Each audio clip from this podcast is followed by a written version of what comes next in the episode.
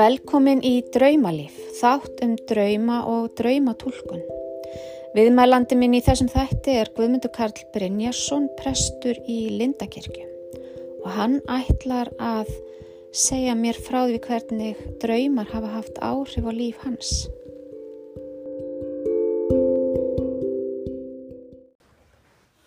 Þakka fyrir að taka móti mér, Guðmundur Kalli. Já, bara bara gaman að koma til ykkar hér í Lindakirkju og uh, við höfum nú þekst bísna lengi. Er saman í Guðfræðdeildinni Já, frá hvað, 1990 já, já, byrjaði þú ekki þá líka? jú, ég byrjaði þá. já, Já. byrjuðum bara á sama tíma. Já, já, og hérna en síðan svona svo sem skildi leiðin eins og gjarnan en en, en uh, svo komstu á draumanámskeið. Já, hvað rak þið til að koma á draumanámskeið?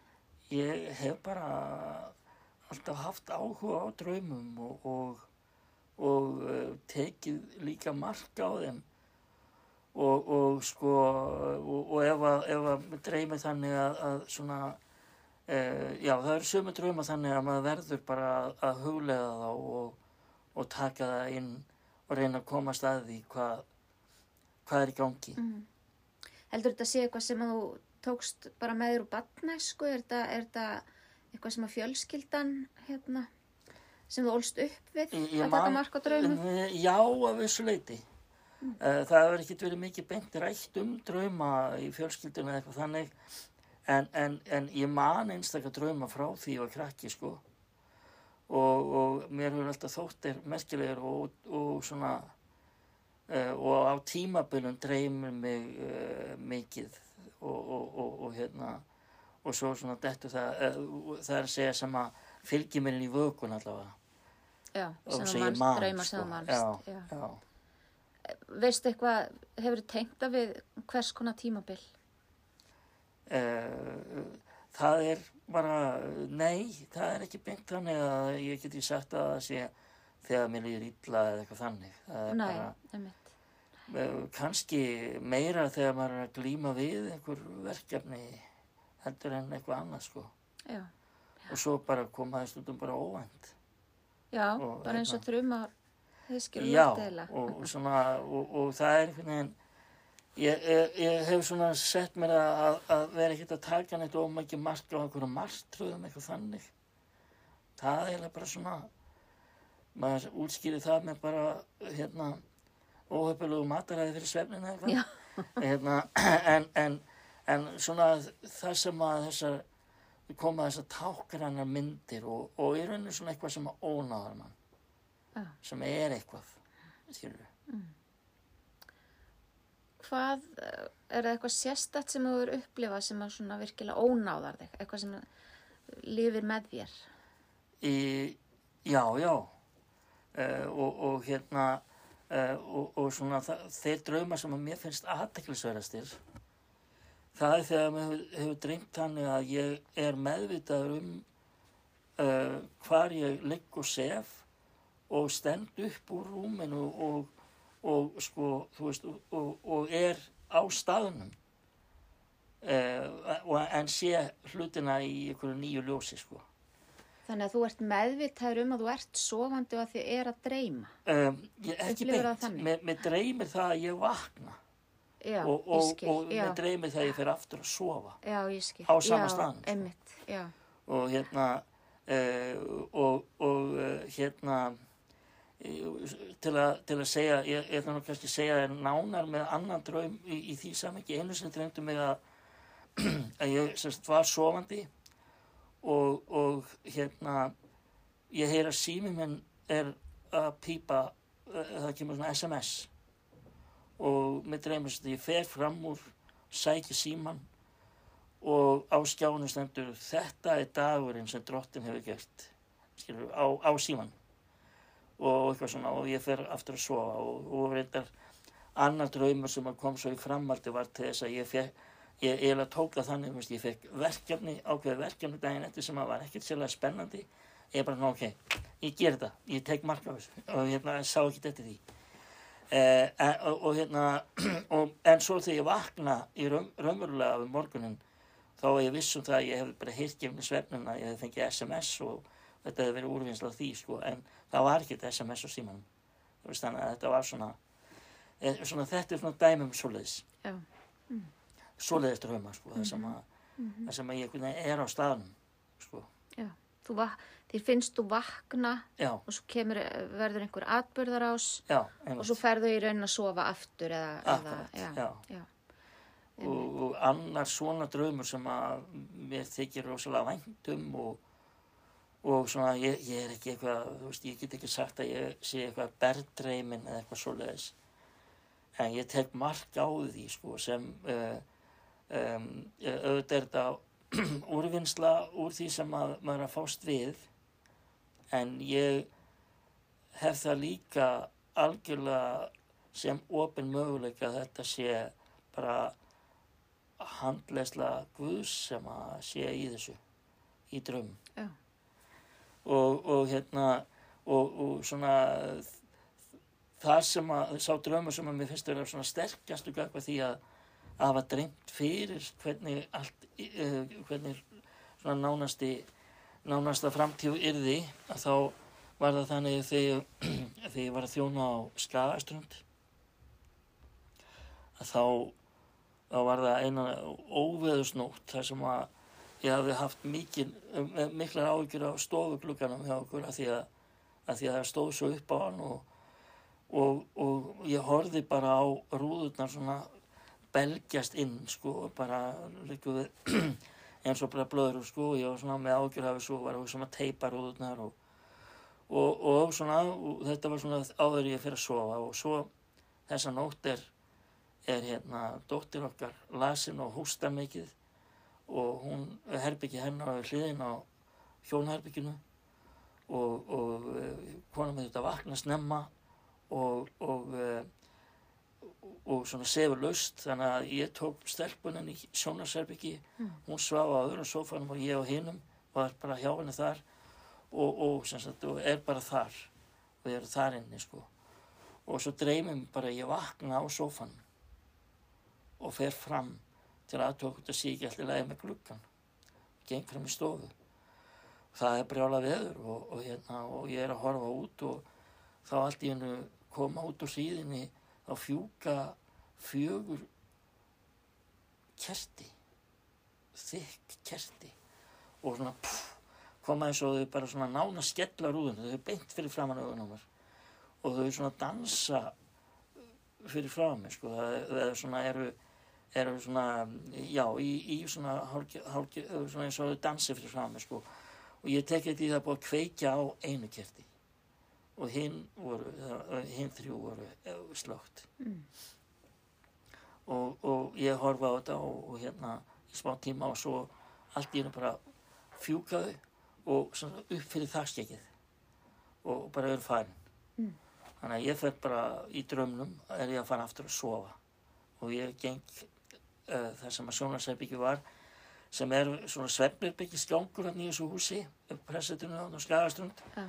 Og ég horfi inn ganginn og það er opið inn í herbyggi dóttur minna þar sem hún svaf sko nema hvað að ég sé út úr gluggan á því herbyggi að það er það er, það er sól úti það er komið gott veður og ég gengin, þann, gengin gangin í, hérna, í drömmum og inn í herbygginu og bara, heyrði, ég trúi þess ekki, það var brjála veður á hann. Mm.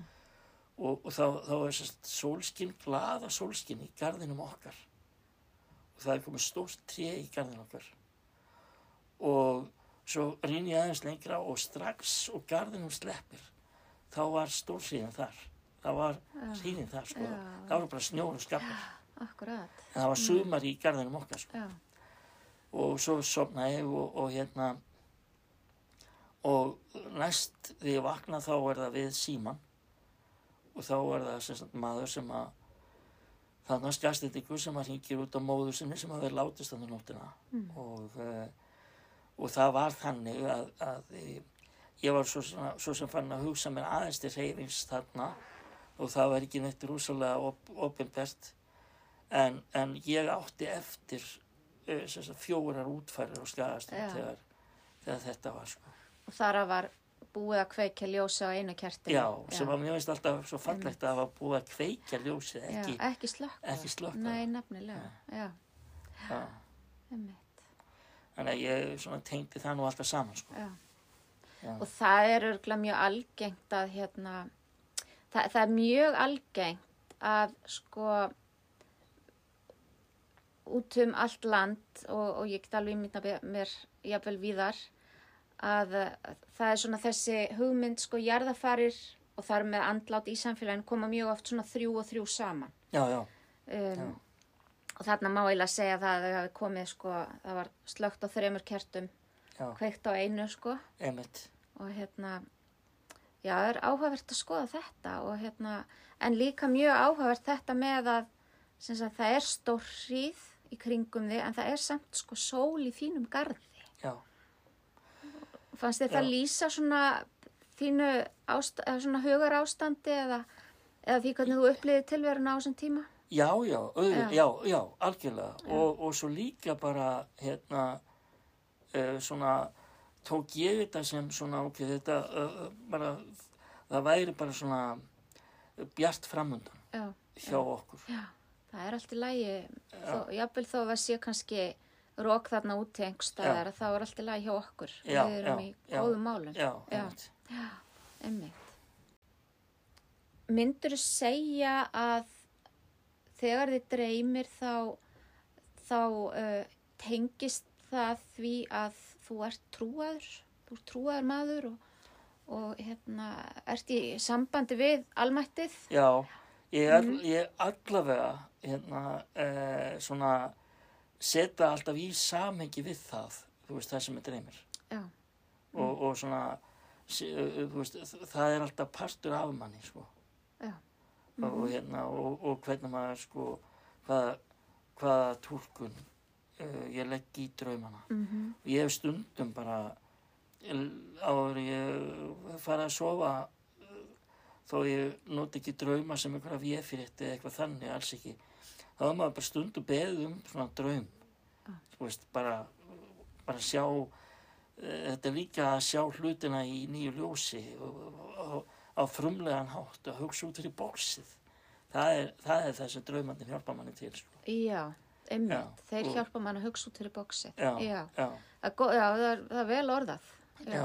einmitt. og hérna og, og meir sé að veist, það er bara nokkri daga síðan að þá þurfti ég að skrifa predikun sko fyrir útastmessu og, og þá svona ég, ég er ekki að segja að maður er ekki alltaf að vanda sig en svona maður, það er ekki alveg maður, maður vil vanda sig sérstaklega þá sko að því að þetta er náttúrulega eitthvað sem er, er áfram á vefnum og þetta er sko mm.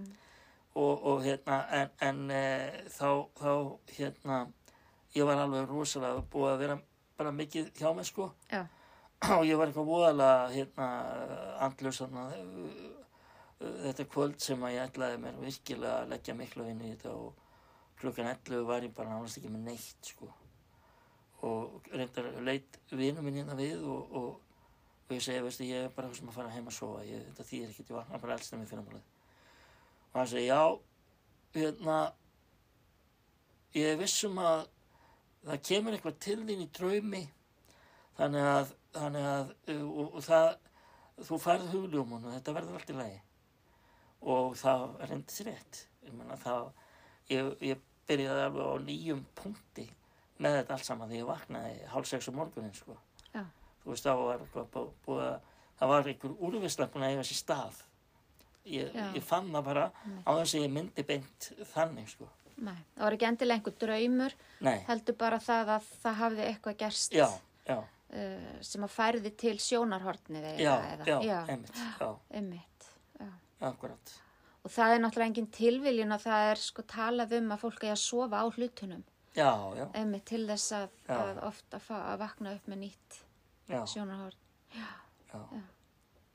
Um, og þessi draumur sem þú talar um fyrst, þarna það sem þú fyrst SMS-ið, Já. það er náttúrulega líka svona, hefur mjög mikla trúalega tengingu, þetta er dagurinn sem drottin gerði. já, og það reyndar stóða á ennsku Já, ok. það var svolítið svona svolítið sérstætt sko Já. já, Myndur þú líta það sem handleðslu eða, eða myndur þú frekar halda að það væri bara af því að þú ert trúaður að þá vinnur undir meðutundin þannig með uh, einhver ég, skilabóð sem hún vil senda þér? já, ég, ég ákvaða að, að allavega, þú veist, að uh, taka verkefnið að mér sem ég fekk uh, þó að ég eiginlega nefndi því ekki og það væri ekkert sérstaklega sniðugt svona fyr, fyrirfram og draumur sem ég dreymdi þessu sömu nóttu ég fekk SMS-ið þannig líka var í rauninni þá var ég stattur í, í hérna, stóri stofu og það var fullt af fólki hann inni og, og fyrir utan gluggan var kvolpur sem vildi komast inn. Það vildi enginn að þessi kvolpur kæmist inn. Okay. ég opnaði gluggan og fólk sem nei ekki, ekki taka kvolpin Mm. ég opnaði gluggan og, og tók hann í fangið og þá var allir bara voða ánæði með þetta. Og það var eiginlega það sem gerðist með þetta til þetta verkefni sko. já, það fannst engum þetta skynsalegt af mér en svo þegar ég var búin að leysa það þá voru allir sáttir sko. ég skil. Já. Og þarna getur maður ímynda sér að reyna fullt af fólki já, og kannski að einhver leiti er allt þetta fólk einhver hluti af þér já, já, sem að, að vildi ekki taka þetta verkefni en, já, já. en uh, eitthvað sem sagði þér að, að þarna væri eitthvað, eitthvað ekta í gangi. já, já, já, einmitt. Og, og meira segja þegar, þú veist, leitaði til mér maður, sko, setna morgunin og baði mig um þetta, þá segja, að, það er þetta. Já, Já, ég skil. já. Einmitt. Um, það verður alveg áhugavert ef ég fæ að skoða þessa draumaðina og, og skoða þessi tákn sem byrtast þarna. Já, Og það er mjög áhugavert að sjá hvernig þú hefur túlkað þessa drauma og ég held alveg með þér og ég er alveg sammála því að ég held að draumarnir séu ekki bara hérna, undir meðutundina verki heldur byrtist Guð okkur á einhvern hátt líka í gegnum undir meðutundina og Guð Já. notar held ég þessa táknrænu starfsemi undir meðutundarinnar til þess að einhvern veginn hafa áhrif á líf okkar já, svo sannarlega og ég held að sé mjög mikilvægt að vera vakandi fyrir þessum skilabóðum þegar þau byrtast okkur Mhm. Takk fyrir þetta kærlega og Já, eh, takk fyrir að fá að, að koma hingað til ykkar í Linda, til þín í Lindakirkju. bara hvena sem er.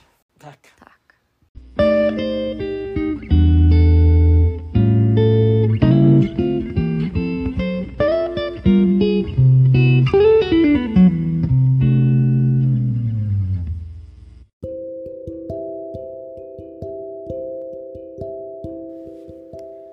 Þegar okkur dreymir kerti, skiptir það að sjálfsögðu máli hvort það er kveikt eða slögt á því. Kerti er ljósgjafi og eldurinn sem það ber er tamin, við höfum stjórn á honum, hann er ekki þetta eyðandi afl sem hann getur verið. Logandi kerti getur táknað einhvers konar upplýsingu, andlega vakningu og sannleiksleit. Það getur líka táknað sköpunargáfu.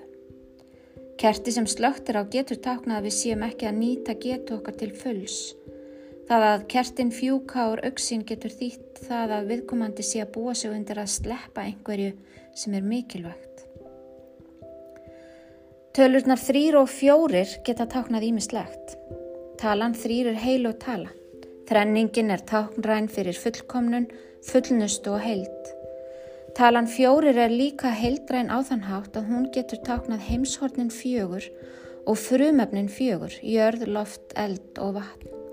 Þannig er hún mjög jarðnesk og materialísk á meðan talan þrýr er meira tengt hinnu himneska. Kertin þrjú sem ekki logar á geta þá tákna þörf dreymandans fyrir enn meiri andlega vakningu á meðan kertið sem logar á fullkomnar myndin á einhvern hátt og gerir hann að meira jarðneska. Það er mjög sterk tilneying okkar manneskjana að flokka fyrirbæri í hópa af þremur. Við teljum gjarnan að eitthvað gerist þrísvar, samanber máltækið, allt er þegar þrendir. Þetta kemur fram í öllum sögum og ævintýrum þar sem atbyrðarásin er gjarnan þrítekinn. Í mörgum fjölskyldum er líka viðtekið að halda því fram að eitthvað gerist gjarnan þrísvar, það koma þrjú áföll í einu og þetta er líka mjög algengt í kirkjulegu samhengi. Dauðsföllin og jarðafarinnar koma gjarnan í bylgjum og einhvern veginn neyjumst við mjög til að flokka þau saman þrjú og þrjú. Við mannaskjörnar búum yfir þeim hæfileika og þeirri tilneyingu að sjá minnstur í tilverunni og gera þessum minnsturum hátt undir höfði. Þannig sjáum við oft tengingar á milli ólíkra atbyrða sem að við fyrstu sín gætu virst tilviljanakendir.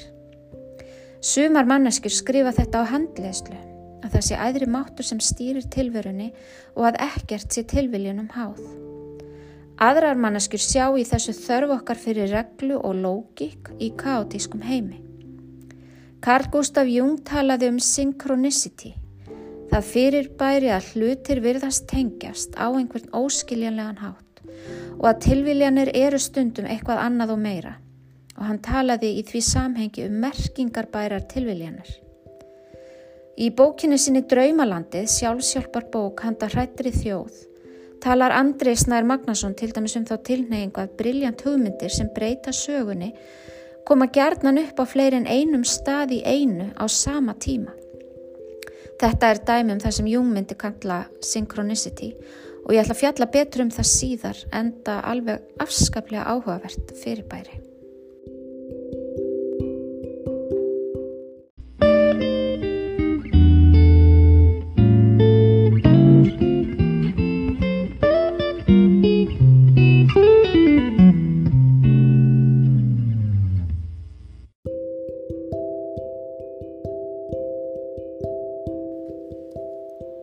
Í næsta þætti ætla ég að spjalla við hana Erdnu Kristínu hjá Erdnulandi. Hún hefur beitt sér mjög mikið fyrir fræðslu og áróðri um jákvæða líkamsýmynd og hún ætlar að segja mér frá draumunum sínum.